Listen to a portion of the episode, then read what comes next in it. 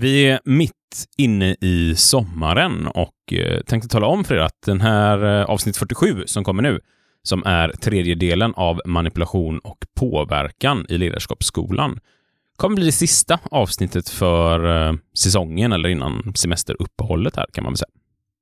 Så ni kommer få vänta ett par extra veckor på nästa avsnitt, men den som väntar på någonting, den väntar ju. Och så. Det, den problematiken har vi liksom inte kommit runt än. Men äh, ja, här, här, kommer det. Och ni får också lyssna om äh, sista minuten på förra avsnittet då innan det nya drar igång. Då. Eh, det var det jag hade. Jag, jag hade ju en glad grej också. Vi hade ju en liten sån på, inte På spåret, utan, för det, ja, nej, det, så het, nej, det heter inte av sådana här stämningstekniska skäl, utan vi hade en eh, på Vilket Folkets Hus. I somras la vi upp på våran eh, Instagram och våran Facebook eh, en filmsekvens där vi var på väg till ett Folkets hus, eller vi, vi var redan framme vid ett Folkets hus, och så skulle ni lyssnare gissa vilket Folkets hus är detta? Och det kommer att vara en sån eh, grej som vi ibland bara kommer att ha med helt sporadiskt. Eh, finns ingen riktig plan i det hela. Men när vi besöker ett Folkets hus någonstans så kommer vi att ta kort och filma det, så kommer ni få gissa vart det är. Och inte en enda person gissade rätt, men däremot så var det en person som var riktigt, riktigt nära. Och det var ju en ledtråd där på sex poäng som var Storfors. Och det var inte riktigt någon som lyckades knäcka det, att det var, det var i Storfors vi var. Eh, men det var en nära gissning på Karlskoga. Inte dåligt av Camilla Fast. Och det är ju inte många mil därifrån. Det är, vad är det, två, tre mil. Så att, eh, bra jobbat. Men nu kommer avsnittet.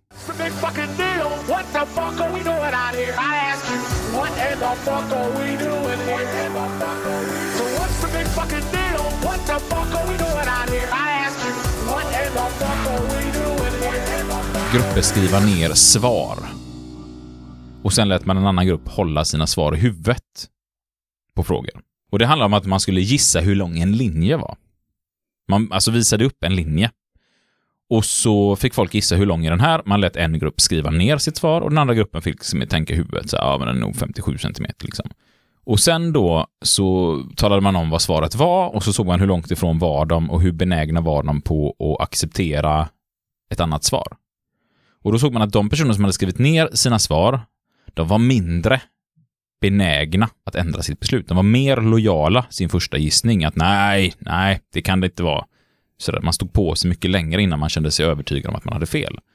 Eh, så när vi har skrivit ner någonting så är vi mycket mer benägna att stå fast för det vi en gång har gjort. Därför tycker jag det kan vara väldigt bra i en förhandling också att inte ha med anteckningsblocket det första man har, utan snacka lite inofficiellt, prata så här, men nu snackar vi lite bara vi här, fyra ögon liksom så här, och så kan man prata lite fritt och få fram lite, vart står vi någonstans, vad tycker vi? Kan det komma fram lite saker så behöver det inte bli den här prestigen. Om vi hela tiden antecknar ner vad som har sagts så kan det bli väldigt mycket mer prestige i vad som är sagt. En annan sak då som kan vara bra, om vi går tillbaka till det här med att man i reciprociteten känner att man står i skuld för att någon har vikt sig i en fråga, att man känner att ja, men nu får jag vika mig i nästa fråga exempelvis, som vi ofta fastnar i den fällan. Då kan det vara en bra sak att göra innan. Man skriver ner sina ståndpunkter innan. Så blir man mer konsekvent i sig själv att nej, jag har fan suttit där i styrelserummet. Vi har skrivit ner vad vi tycker och tänker och det här ska jag inte vika mig på. Så här kan vi också stärka oss själva genom att skriva ner det. Det här använder ju väldigt många när man eh, går och pratar med en psykolog eller en KBT-terapeut och man får kanske någon uppgift man ska jobba med, att man tycker det är viktigt att du måste skriva ner de här sakerna. Jag tycker Mia Törnblom är ju jättebra när det kommer till det här med självkänsla. Hon lär ut det här med att man ska skriva tre bra saker om sig själv. Och då är det en viktig del när man skriver det. För det gör att man tränar på att bekräfta sig själv och då man dessutom skriver ner det så blir det ännu starkare. Och så har vi suttit ner med mycket rehab-case när det kommer till missbruk. Och jobbat mycket med det, här, att man får sitta ner och skriva ner mycket sina tankar och sådär. Eh, och jag tycker det känns som att de individerna, nu har inte jag någon evidensbaserad forskning på det här, men jag tycker att de individerna man sitter ner och gör detta och tar sina övningar på allvar, ofta lyckas mycket bättre med sina rehaber. Sen var det så att Care och McCoon, 1985, så lyckades de dock bevisa att offentligheten går dock över det här skriftliga. Så när man har röstat om någonting med handuppräckning och folk ser vad man har röstat på, då går det lite över det skriftliga. Om vi leker tanken att man röstar i sluten omröstning och skriver på en lapp kontra handuppräckning. Då är man mycket mer benägen att stå fast vid det man lovade när man gjorde handuppräckningen. För då vet man att det här har folk sett. Och det är ju viktigt för oss människor att andra kan lita på oss. Att vi är konsekventa med det vi har stått för liksom. Och då kan man se att, eh, ja, kan man få, lova, få folk att lova saker offentligt så är de mer benägna att hålla fast vid det sen. Och det har använts väldigt mycket i sluta röka-metoder. Att man jobbar med det tillsammans, att man sitter i en grupp och, och säger att nu ska jag sluta röka, att man ska lova det för folk och berätta för folk att du ska sluta röka nu.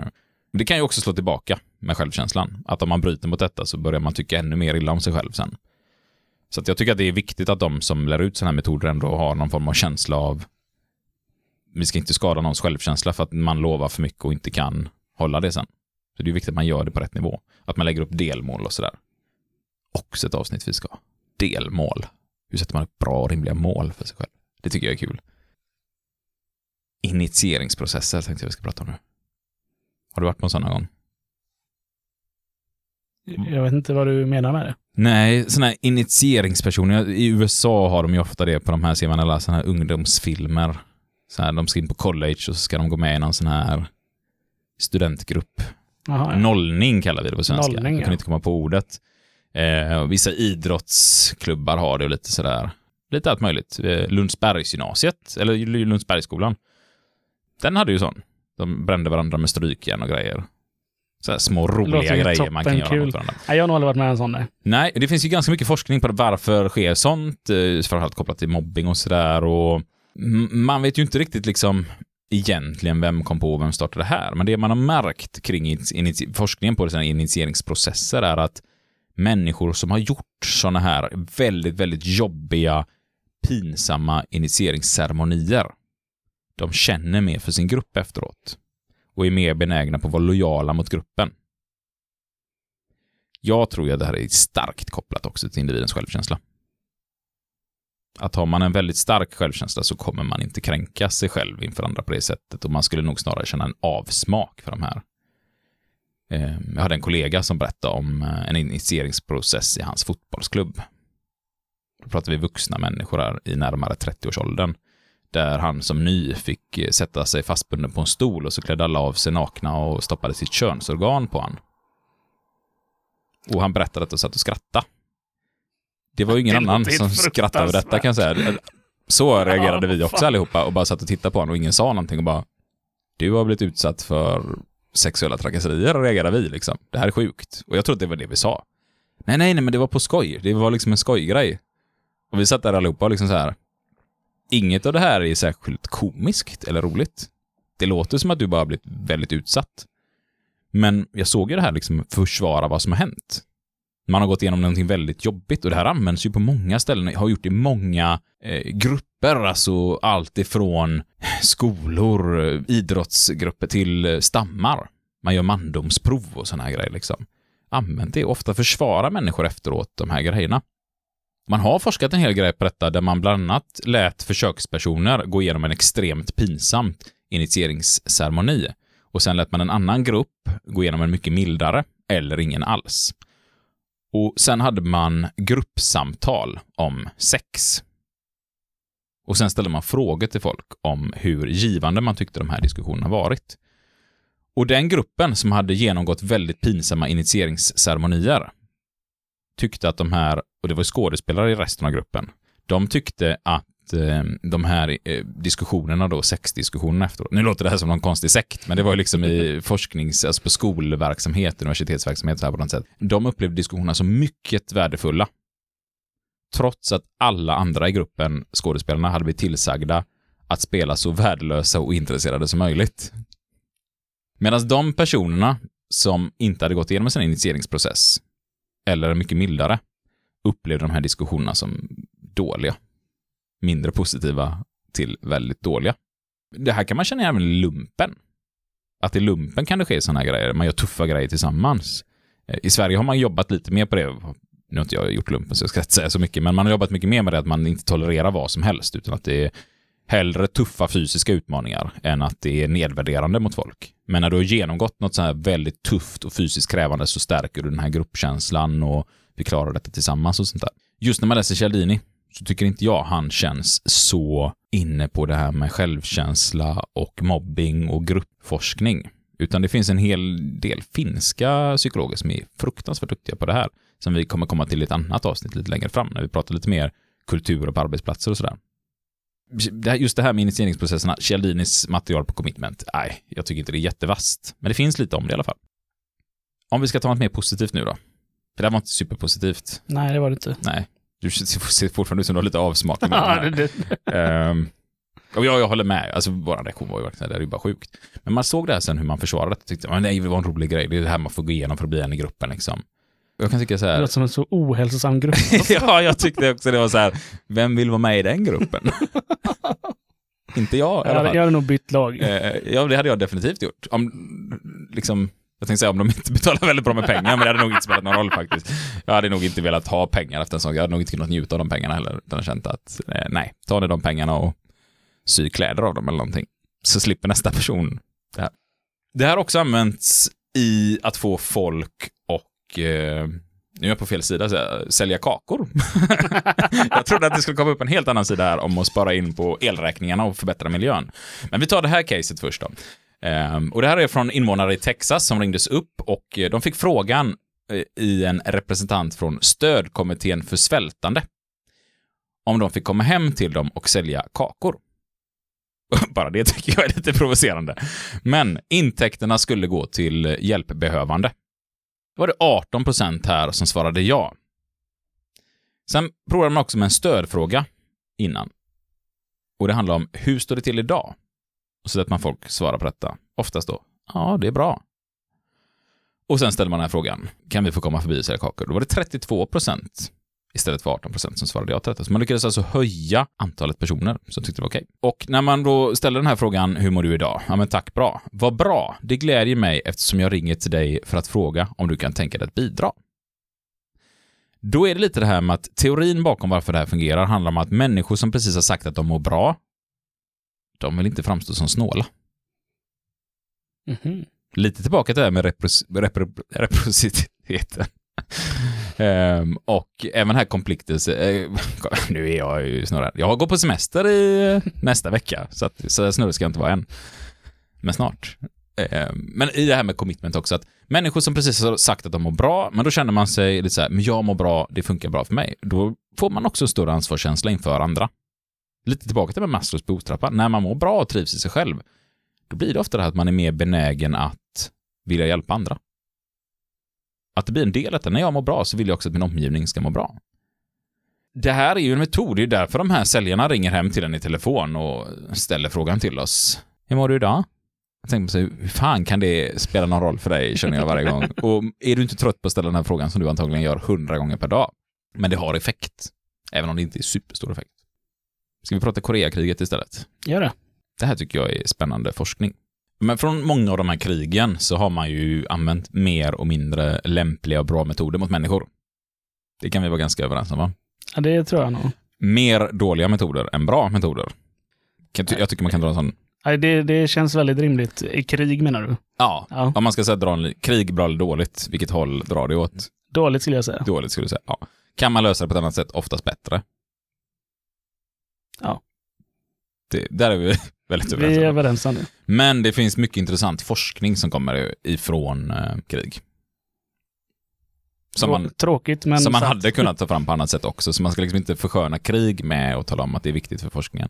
Men eh, under Koreakriget i alla fall så var det en hel del eh, amerikanska soldater som blev tillfångatagna i kinesiskt styrda fängelser. Och eh, där blev man behandlad väldigt mycket mer annorlunda än Nordkoreas andra allierade. Och Nordkorea överlag hade väldigt hård bestraffning för att framkalla tillmötesgående från de här fångarna. Medan Kina använde sig av en mer skonsam politik. Inom citationstecken här nu. Skonsam. Det är Manipulation vi pratar här. Men helt enkelt, alltså Nordkorea, man försökte bestraffa folk till att få dem och eh, namnge andra, berätta om sina planer, alltså för att få ut information ur strafffångarna och få, för att få dem att bete sig på ett bra sätt inom citationstecken här också nu det, det är fan svårt att prata om sånt här och låta eh, som en bra människa. Eh, men i alla fall, kineserna hade extremt stora framgångar i det här med att få amerikanerna att ange varandra. vilket stod i väldigt stor kontrast till andra världskriget där inga länder lyckades särskilt bra med det i förhållande till Koreakriget. Och när någon flydde så fick fångväktarna ofta de fängslade att angiva varandra. Alltså tala om vilka var det som flydde, hur flydde de och sådär. Hur man kunde ta fast dem igen. Och det här gjorde man helt enkelt med hjälp av belöningar hela tiden. Man exempelvis kunde ge en säck med ris, cigaretter, lite gammal frukt, lite allt möjligt. Väldigt små belöningar. Inte för fina. Och det fanns en teori bakom det. Att man ville inte ge fångarna en känsla av att de blev mutade. Hade du fått något stort så hade du känt nej, det tänker jag inte ta emot. Men när du är jävligt hungrig, bara, men ett, ett litet bett av det här äpplet som tack. Alltså, och det, de försökte verkligen få fram det så att det inte var en muta, utan det var mer en belöning. Ja men åh, vad schysst att du angav. Här, ta lite äpple. Det är det jag kan ge dig. Eh, men det är lilla, och det säger också en del om hur situationerna var i de här krigsfängelserna. Eh, när man är beredd att svika sin ideal för lite äpple liksom. Det var nog inte så trevligt. Det är ju lätt att sånt här blir förskönat i böcker och i, eh, när man pratar om forskningen här. Men de här fångarna då, man fick dem att samarbeta väldigt mycket mer än vad andra länder har lyckats med. Och man försökte liksom från kinesiskt håll att små försiktiga saker implementera och få fångarna uttrycka sig antiamerikanskt. som amerikanerna kallar det i forskningen här. Det var nog inte så som kineserna valde att kalla det, men, men amerikanerna som beskriver detta nu kallar det för antiamerikanskt uttryck då, så vet ni det. Eller pro-kommunistiskt i det här fallet. Men metoden man använde var liksom att försöka få fångarna att hålla med om saker och ting som att i USA är inte allt perfekt. I kommunistiska länder så är inte arbetslösheten ett problem i alla fall. Alltså, sådana här saker försökte man få fångarna att hålla med om och själva uttrycka sig. Små, små, små saker. Och så försökte man bygga mer och mer på det här och liksom växa ut detta. Och man kunde anhålla tävlingar för eh, de här, där de fick skriva uppsatser i fängelserna om vad de tyckte behövde förändras i USA. Saker och ting de tyckte att man, som inte var bra, fick de skriva uppsatser om. De fick skriva uppsatser om eh, Eh, saker och ting som faktiskt är bra med kommunismen. Alltså, och det var jättesmå saker. Och för det kunde man vinna sådana här lite småpriser som frukt, lite nötter, lite ris och sådär. Och man pratar hela tiden med dem liksom, att du behöver inte tycka att kommunismen är bra, men du kan väl hålla med om att arbetslösheten inte är ett bekymmer exempelvis. Det var en sak som man ofta tog upp. Nej, för i kommunismen kunde de säga att du arbetar där, punkt slut. Det här, det här höll man på med i alla fall. Och sen kunde de här uppsatserna då eh, få läsas upp i radion. Som spelades upp inom fånglägren. Så att man dessutom använde den här offentlighetsprincipen. Så man skapade liksom en långsam förpliktelse hos fångarna att de höll med om uttryck och saker och ting som inte var bra. Eh, de fick själva läsa upp detta och då hade de ju uttalat sig offentligt. Och därigenom så lyckades man liksom påverka självbilden hos de här amerikanska krigsfångarna. Det sjuka ur den här forskningen är att de som använt det här mest efteråt, det är liksom inte militären. Det är inte psykologer. Det är PR. Tävling. Skriv ner varför våran produkt är bäst med endast 25 ord. Det kommer man fram till. Sådana här saker är bra. Få folk att skriva saker om våran produkt. Få folk att hålla med om små saker. Att jo, men vårat bilmärke har lite skönare stolar än konkurrenten, eller hur? Ja, men det håller jag nog med om. Och så köper du deras bil istället för den andra bilen. Små, små saker. Ehm, och så de här tävlingarna kommer därifrån. Alltså det kommer, mycket av det kommer från den här som man faktiskt jobbar med fånglägren. Och det ska vara ett rimligt pris, för annars så känner människor att det är lite fult. Så det kan gärna vara så här, skriv varför våran choklad är den godaste med 25 år och så vinner du en sån här uppblåsbar båt. Då känner folk så här, men det kan jag ställa upp på. Och så är det jättemycket människor som skickar in texter. Och det kommer göra att de någonstans har skrivit ner eh, Jims chokladkakor är godast för jag gillar den härliga chokladsmaken och den runda smaken i munnen. Och nästa gång de ska köpa choklad så väljer de Jims chokladkakor, för det är det man har skrivit om. Fast man kanske tycker till och med att konkurrenten är lite godare, men som man ändå gjort någon förpliktelse för sig själv. Och den här lilla gummibåten man sen skickar ut till en lyssnare, eller på att säga, till en eh, chokladköpare. Eh, det blir en liten kostnad. Och nu börjar folk säga, var det därför man skulle skriva eran jävla tävling, varför man lyssnar på den podcast? Eh, det hade inte så mycket att göra med detta. Det handlar om att vi vill försöka få spridning gratis på Facebook så fler ska hitta podden. Eh, Ja. Ja, det var inte så mycket mer än så. Och priset får liksom inte vara för stort där. Det kan vara en signerad bok med Max Gustafsson. Det är ett rimligt pris kanske. Men hade vi sagt så här, så vinner ni en årsförbrukning av bensin, gratis fordonsskatt, ett hus på Marstrand, ni får fisk, sill, en hel årsförbrukning. Då hade folk tyckt, nej det här vill inte jag skriva, det här blir lite äckligt. Nu blir jag mutad för att skriva någonting bra om er produkt. Och då tappar det sin effekt. Och det tycker jag också är lite skönt att vi människor ändå någonstans fattar. För de amerikanska krigsfångarna så kunde ju priset till och med vara att man fick kontakta sin familj. Eller få lite varmare kläder när det var kallt. Alltså små, små saker som faktiskt ger belöning. Eh, och det kan jag titta på ibland på när man ser på Facebook och sen när folk delar tävlingar. Liksom, att det är oftare att folk delar tävlingar när det är ett rimligt pris. Än när det är så här, du får en Ferrari igen så om du delar våran. Då fattar folk så här, det här är nog någon bluff eller liksom sådär. Men det är också därför spelbolagen jobbar med det här. Att gå med på våran bettingsajt så får du 800 kronor insättningsbonus. Bettingbolagen tjänar så sjukt mycket pengar på att folk går med. För att man räknar iskallt med att tre av fem som skapar ett konto utvecklar ett spelberoende och spelar bort mer pengar än vad de hade tänkt, mer pengar än vad de har råd med. Så de gör enormt mycket pengar. Och det är inte så att tre av fem människor har ett spelberoende. Men tre av fem som väljer att skapa konto på spelsajten räknar de kallt med kommer att utveckla ett spelberoende och tjäna enorma mängder pengar på detta. Eh, jag tycker vi har en jättebra företagshälsovårdspsykolog eh, där vi går. Han har jobbat jättemycket med missbruksproblematik och en av hans föreläsningar som jag var här för ett tag sedan tyckte jag var så fantastiskt bra. Och då pratade man om att det nästa stora folksjukdom är spelmissbruk och det kommer drabba så fruktansvärt hårt ekonomiskt för du blir aldrig frisk ifrån det. Och då menar inte han att du kan liksom sluta spela. Han menar att du har skulden kvar på 2-3 miljoner. Den kan du aldrig betala av. Och det gör att du liksom aldrig riktigt kan bli fri från ditt missbruk.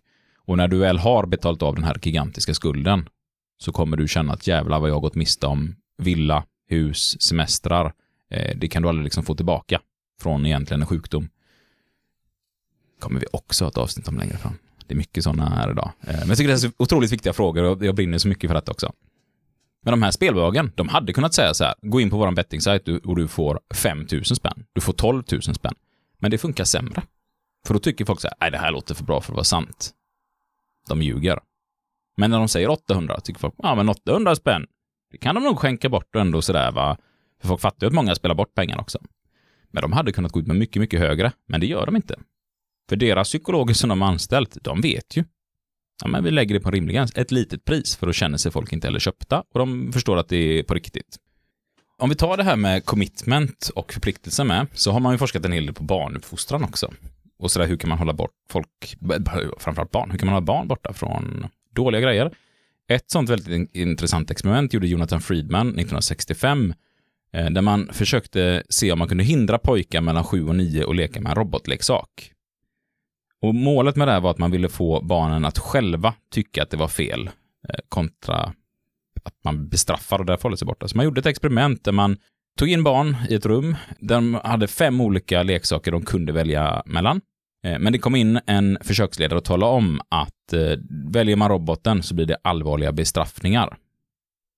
Och medan han var borta så var det bara ett av 22 barn som valde att leka med den här roboten som var den absolut häftigaste leksaken då liksom, eh, bland de här. Och det här starka hotet, det fungerade ju då väldigt bra. Bara en av 22 bröt mot det, trots att ingen var i rummet. Så de visste, barnen förstod ju detta, men de ser ju inte detta nu. Men resterande var ju rädda för att åka fast för det och valde därför att hålla sig borta från det. Och det här tror jag är en bild många har, att man tror att hot om bestraffningar hindrar folk från att göra saker. Det man sen dock märkte med det här var att det fungerade ju bara så länge de trodde att de skulle åka fast.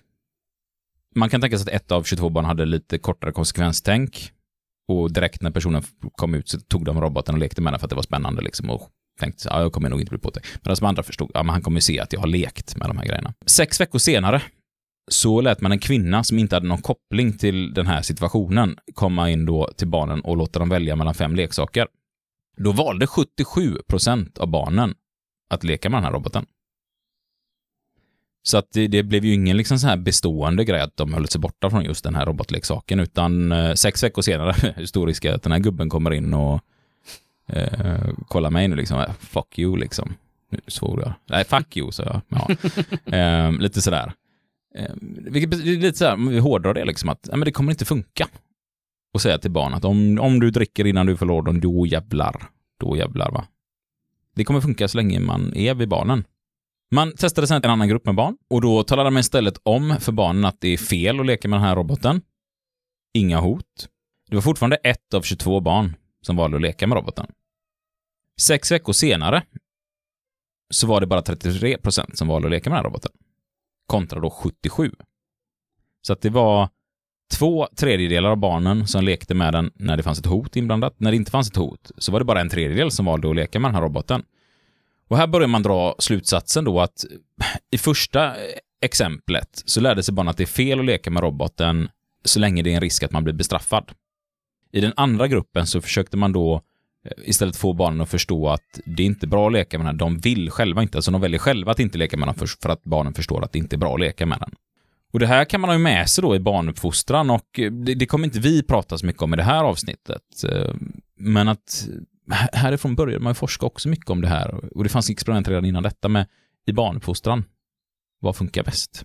Likadant tycker jag det är på arbetsplatsen, det här med hot om bestraffningar och grejer. Det, det ger inte ett jävla skit till personalen liksom. Det, det är så löjligt att man ens håller på med det kan jag tycka som har läst så mycket inom psykologin. Att, men är vi uppväxta med att hot och bestraffningar ska funka så är det klart att då har man den bilden. Jag kan säga jag var för jättehårda fängelsestraff och sånt när jag var yngre och tyckte nu var rättvisa och sådär liksom. Men ju mer jag läser om psykologin så känner jag så här, men det, det är ju inte det som kommer att spela roll. Tyvärr. Eller tyvärr, det är väl positivt också kanske att vi inte behöver hota varandra. Vetenskapens värld tyckte jag hade ett jätteroligt eh, experiment också på det här med commitment. Jag vet inte om du har, har du sett det själv Jim, men när man frågade folk om deras politiska värderingar. Känner inte till det, nej. Nej, men då ska jag försöka förklara detta på ett så roligt sätt som möjligt. Så kan vi väl se om det går att hitta någon länk. Det här var ett tag sedan det var med, det kanske inte ligger kvar.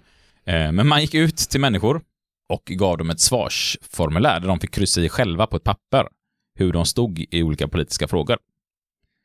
Sen jättesnabbt så bytte personen som tog emot det ut det här pappret mot ett annat, där kryssen var på motsatta håll. Och så visar man det här för personen och så ställer man frågan så här, ah, här kryssade du i är att du eh, var för vinster i välfärd, exempelvis då, fast personen hade kryssat i att de var emot. Och, och det här är så otroligt roligt för att de allra flesta, de bytte åsikt. Och var konsekventa med det som stod på pappret. Ja, nej men jag tycker så. Och så stod de höll fast det. Nu tror jag så här att eh, det här funkar bara på politiskt omedvetna personer. Jag tror ju inte om de hade gått till, eh, vad heter eh, Vänsterpartiets gamla, gamla ordförande här?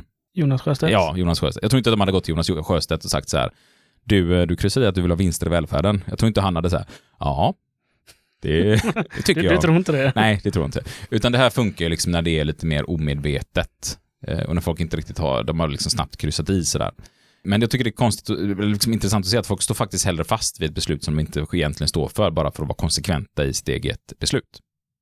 Lowball är ju en sån grej vi inte får missa i det här avsnittet heller. Nu är vi inne på sådana riktiga bilhandlargrejer. Har du sett någon gång att de annonserar en bil väldigt billigt med all utrustning? Mm, det har jag sett. Ja. Och den finns aldrig inne. Ibland har de till och med kvar eh, så här, ja men den finns. Och så kommer man dit och så, ja precis som köpte den.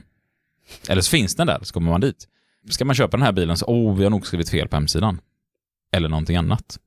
Det är alltså alltid någonting märkligt. Eller shit, det är en annan säljare som har lovat bort den. Och i USA är det här väldigt mycket mer vanligt.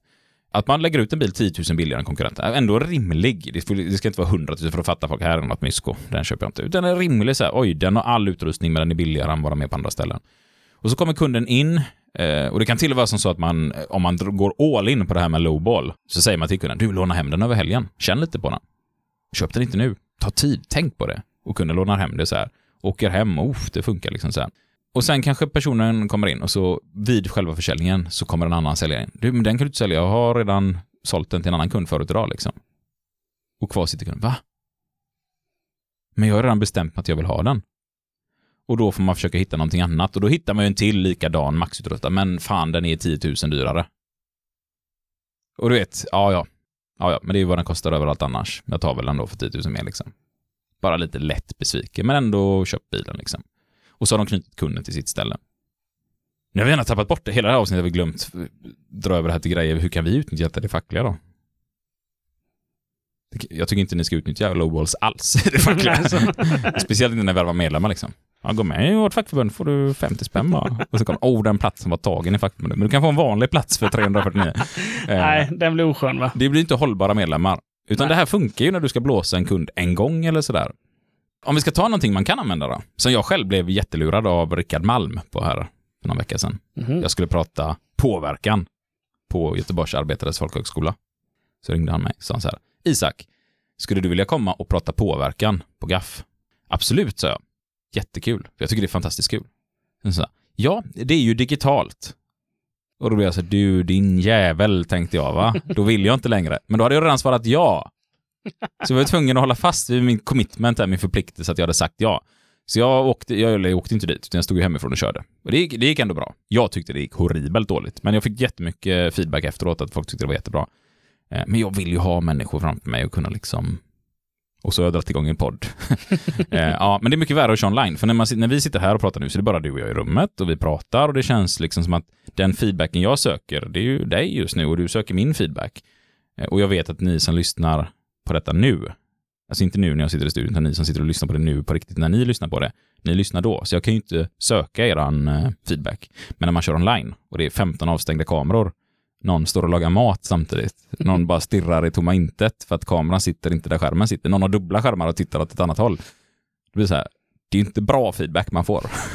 Nej, det är inte mycket Nej. alls. Och är man en sån föreläsare som söker väldigt mycket kontakt med, som jag, som jag gör väldigt mycket när jag föreläser, söker jättemycket kontakt och feedback och försöker använda de som lyssnar väldigt mycket, så går det inte så bra.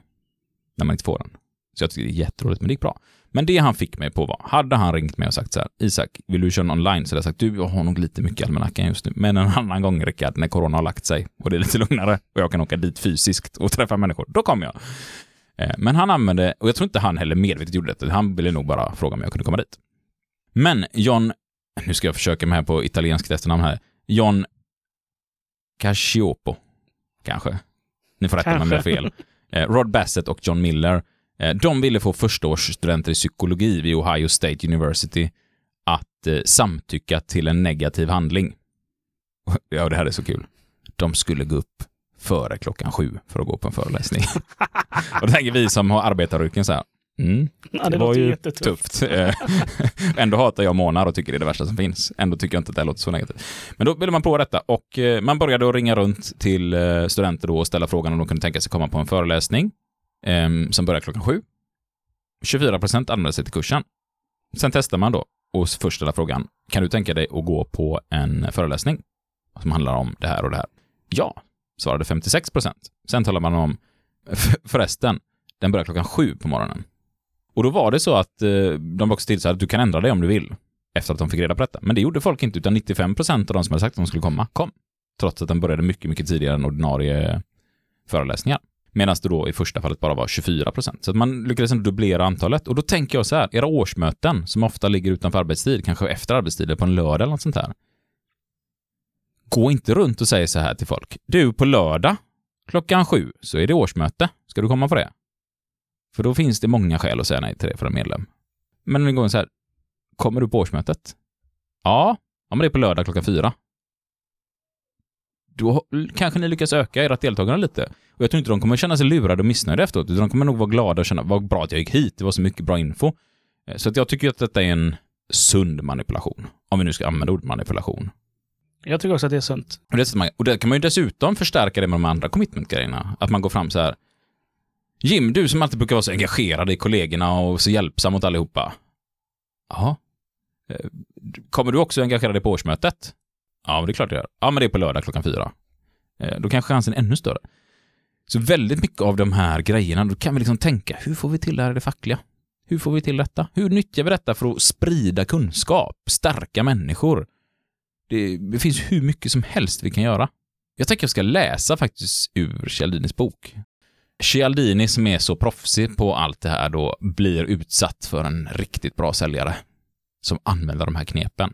Jag tänker att ni som lyssnar ska kunna reflektera lite över vad är det för knep som den här säljaren använder. Och han väljer då att kalla den här kvinnan för vacker ung kvinna. Och det får väl vara hans värderingar här då, men han, han menar lite på detta, skriver i sin text innan, att han är lite äldre till åldern och blev väl lite charmerad av att en ung kvinna var lite flörtig och trevlig. Och då är vi inne på det här med liking, som vi inte har pratat om så mycket. Eh, Men det är också någon gillande. Personer man gillar, eller får känslan att de gillar oss, blir vi också mer benägna att lyssna på och samarbeta med. Och där går ju också lite in det här med auktoriteter. När man använder eran favoritmusiker, vem kan det vara? Roger Pontare, till eh, reklam, så tycker ni den vill jag också ha. Det känns som Roger Pontare också skulle vara den sista Ja, människan som ställer upp i sån Ja, reklam verkligen. faktiskt. Ehm, men vem det nu är som ställer upp i reklam som ni gillar, Justin Bieber. Så, åh, jag vill också köpa den här drickan med äpplesmak som Justin Bieber gör reklam för. Då går samtalet helt enkelt så här att den här eh, då vackra unga kvinnan, nej, nu- det är inte jag som tycker det, utan det är Kjellin här med. Så ingen blir upprörd över det. Hej! Jag håller på med en undersökning om invånarnas nöjesvanor och undrar om du skulle vilja svara på några frågor. Och då svarar Kjellin, ja, varsågod och steg in. Tack, men jag sätter mig här och börjar direkt. Hur många gånger i veckan går du ut och äter middag? Kjellin svarar liksom, ja, tre, kanske fyra gånger i veckan, så ofta som möjligt. Och här utnyttjas det här lite flörtandet med att eh, när han tror att hon är lite så småintresserad så vill han ju lite förstärka sina positiva egenskaper och lite, kanske göra sig lite finare än vad man är. Kanske säger att man går ut och äter lite oftare än vad man gör och lite sånt här. Eh, Men han svarade i alla fall, kanske tre, fyra gånger i veckan, så ofta som möjligt faktiskt. Jag älskar bra restauranger, svarar Och då svarar hon så här, så trevligt, brukar du beställa vin till maten? Eh, ja, bara om det är ett importerat vin, svarar Kjellin och kan inte dricka amerikanskt skitvin. Eh, det säger han inte, men det är lite det mellan raderna sådär va. Jag förstår, svarar hon. Hur är det med biobesök? Går du mycket på bio? Bio? Eh, ja, jag får aldrig nog av filmer. Jag är särskilt förtjust i sofistikerade filmerna med undertexter. Och du? Tycker du om att titta på film? Eh, ja, men det gör jag. Eh, men låt oss gå tillbaka till intervjun. Brukar du gå på konsert? Absolut. Mest symfonier och liknande såklart. Men jag kan också tänka mig att lyssna på en riktigt bra popgrupp. Och den här kvinnan skriver flitigt ner svaren, liksom, så det känns som en seriös undersökning, som Cialdini tror att det är i detta fallet. Bra! Bara en fråga till. Föreställningar av turnerande teater eller ballettsällskap, brukar du gå på dem när de är i stan? Åh ja, ballett, svarar Cialdini. Rörelser, elegansen och hela upplägget. Jag älskar det. Eh, Skriv att jag älskar ballett. Jag missar aldrig ett tillfälle att se ballett. Jag tror att Kjellini överdriver den här texten med för att man ska förstå att han blev lite påverkad av att han trodde att hon lite flörtade med honom så här liksom. Eh, Jag tror att det är det han försöker beskriva här. Eller så är han rätt dryg. Som han, det kan vara så också. Låter fint, svarar hon här. Eh, Låt mig bara gå igenom uppgifterna igen, herr Kjellini. Ja, det är faktiskt doktor Kjellini, svarar han då. Jag tror att det finns någon själv av, självdistans i det här när han skriver detta. Ja, eh, men, du kan kalla mig Bob, eh, skriver han då. Gärna det, Bob. Utifrån den här informationen du har gett mig kan jag glädja dig med att du kan spara upp till 1200 dollar om året att gå med i Club America. En liten medlemsavgift ger dig rabatt på de allra flesta aktiviteter du har nämnt. Jag är säker på att en socialt aktiv person som du är intresserad av att ta del av de stora besparingarna som mitt företag kan erbjuda dig på allt du har berättat att du ägnar dig åt. Och så skriver Kjellini själv så här, Kjellini, fångad som en liten råtta inom eh, parenteser. Ja. Eh, ja, jo, jag antar det. Igen då, ja, men jag är säker på att en så socialt aktiv person som du är intresserad av att ta del, eller ta vara på dina pengar och eh, även se till att du sparar pengar på allt det här du unnar dig, för du är antagligen ekonomiskt lagd liksom också då. Eh, och då svarar Cialdini med stor självsäkerhet. Helt fel. Jag förstår nämligen vad som pågår här, svarar Cialdini. Jag vet att din historia om att du håller på med en undersökning bara är en förevändning för att folk ska berätta för dig hur ofta de går ut. Jag vet också att det under sådana omständigheter är vanligt att man överdriver. Jag vägrar att låta mig fångas i en mekanisk sekvens av inre förpliktelser som konsekvens, när jag vet att det är dåraktigt. Inget klicksnurr för mig, tack. Och klicksnurr, det pratar Kjellin om de här effekterna när vi snabbt tar beslut utan att egentligen tänka igenom, hävdar han, lite- han kallar det för klicksnurreffekten. Att det är sånt som ska rädda vår överlevnadsinstinkt, vi bara snabbt, tjup, tjup, tjup, beslut liksom. På vacker ung kvinna då svarar va? Och Kjellin, okej, låt mig säga som det är på ett annat sätt. 1. Det vore dumt av mig att lägga pengar på något som jag inte vill ha. 2. Jag vet från en mycket pålitlig källa, nämligen min mage, att jag inte vill ha ditt nöjeskort. 3. Alltså om du fortfarande tror att jag kommer köpa det, tror du antagligen också på, tom- på tomten. Jag är säker på att en intelligent människa som du är kapabel till att förstå det. Och skriver han då, vacker ung kvinna, också fångad som en liten råtta. ja, tja, jo, det antar jag. Och så går hon därifrån då.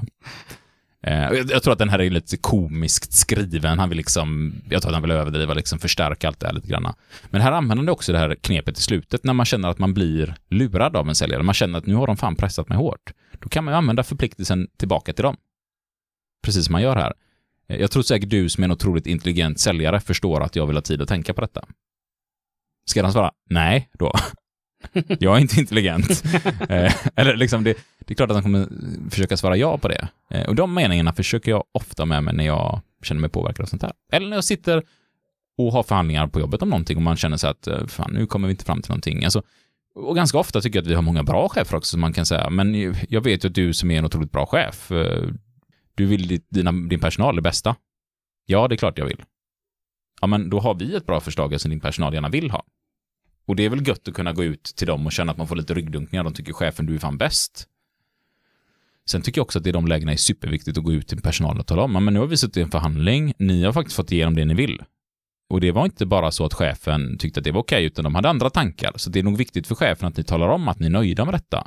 För då blir det också roligare för chefen när man får en klapp på ryggen och folk säger att fan vad gömt chefen, det här är riktigt bra, vi är nöjda. För det är ju inte kul för en chef att sitta i förhandlingar, precis som det är inte kul för oss. Man får inte igenom det man vill, det blir inte riktigt bra och sen personalen blir ändå inte glada. Ja, Då kan man ju lika gärna känna så här, vad fan ska jag höja era löner för när ni ändå inte blir nöjda med det liksom? Så jag försöker verkligen uppmana mina medlemmar varje gång vi har fått igenom någonting bra, att tala om det. Fan vad roligt. För då blir också det lite en sån här, när man går och säger så här, du är ju en grym chef. Då blir det också en liten förpliktelse för chefen att, ja, jag är ju en grym chef och det ska jag fortsätta vara. Det är så de ser på mig. Och då blir det mycket roligare att genomföra bra saker, jobba med arbetsmiljön, hitta lösningar. Ja, you name it. Så det är ett eh, starkt förhandlingsknep som jag tycker att ni ska ta vara på. Att också återkoppla och ge beröm och tala om för era medlemmar att genuint ska det ju vara. Det får inte vara en sån sarkastisk, ja, jättekul. Nej, då, då kommer det nog få motsatt effekt. Då får det nog motsatt effekt. Eh, gör det roligt för cheferna att ta bra beslut. Mycket påverkan har vi pratat idag. Väldigt mycket. Jag tror vi får en liten sån här återreflektion i något avsnitt fram, eller kanske i nästa avsnitt, där vi också börjar tänka så här, alla de här sakerna vi har snackat om idag. Hur använder vi dem i det fackliga? För nu har vi nästan bara haft plats med forskning. Men nu har vi öppnat dörren för påverkan. Vi har satt ord på tankar och saker som vi säkert alla har märkt, men kanske aldrig reflekterat över varför det är som det är. Man börjar liksom fundera, ah, shit, ja. man kommer börja upptäcka det här mönstret i samhället och ute på affärer och sånt där. Eh, Man börjar se liksom, ja ah, men du, det är därför de gör det här. Hur nyttjar vi det? Hur använder vi det på ett bra sätt? Hur utbildar vi våra kollegor och vänner, barn, för att inte gå på allt det här? Och hur använder vi det för att stärka varandra istället och göra samhället bättre? Ska vi spara det? Tycker jag. Så säger vi tack till er som lyssnar för dagens avsnitt och tack för ert engagemang i podden med medlemskap och med stöttning och att ni delar och gillar och hjälper till att sprida podden. Det är helt fantastiskt roligt. Vi eh, kommer snart få med i Prevent, sån här arbetsmiljötidning. Just det. Eller jag kommer vara med. Jag känner mig lite att jag, de skulle kontakta Sebastian. Ja, ja. Så Det lämnade vi. jag Sebastians nummer och skrev att jag är också med. De frågade om det var jag som var Sebastian, för jag hade bara telefonnummer. Och så skrev jag så här, nej men här är Sebastians nummer, annars är jag också med podden om det är någonting så här. Och så ringde de honom en gång tror jag, så satt han upptagen och kunde inte svara, så ringde de mig och körde hela intervjun med mig. Och sen sa ja, det är någon bild också, så skickade jag en bild på oss tre. Och så fick jag ett mejl tillbaka nu. Ehm, har du inte en bild på bara dig? För det kommer stå, hallå Isak Ekblom, en av Fuck Ja, Podcast. men Det är jättebra. Eh, Så jag har så dåligt samvete mot Sebastian just nu. Så jag bara tänker så här, när han får se han kommer tänka så här, de har inte ringt än Isak, liksom. jag, får, jag får ljuga för honom eller någonting. eller så får jag så här, Sebastian, du som är otroligt intelligent person har säkert förståelse för varför de valde att göra en intervju med mig istället för dig. Eller något sånt Det, där. det är ju ganska Det förnedrande att säga så. något får vi hitta på här. Eh, Och han kommer snart hit och ska Det ska grilla med. bra. Så vi får nog lägga på eh, inspelningen här innan han kommer. Tack så mycket för idag. Njut av sommaren. Njut av sommaren.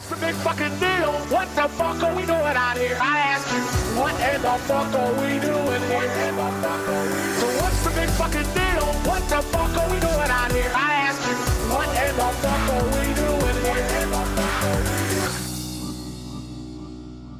Serás bienvenido al especial de verano de Fuck You Podcast Vacaciones en español. ¿Estás listo, Jim? Serás bienvenido al especial de verano de Fuck You Podcast Vacaciones en español. ¿Estás listo, Jim?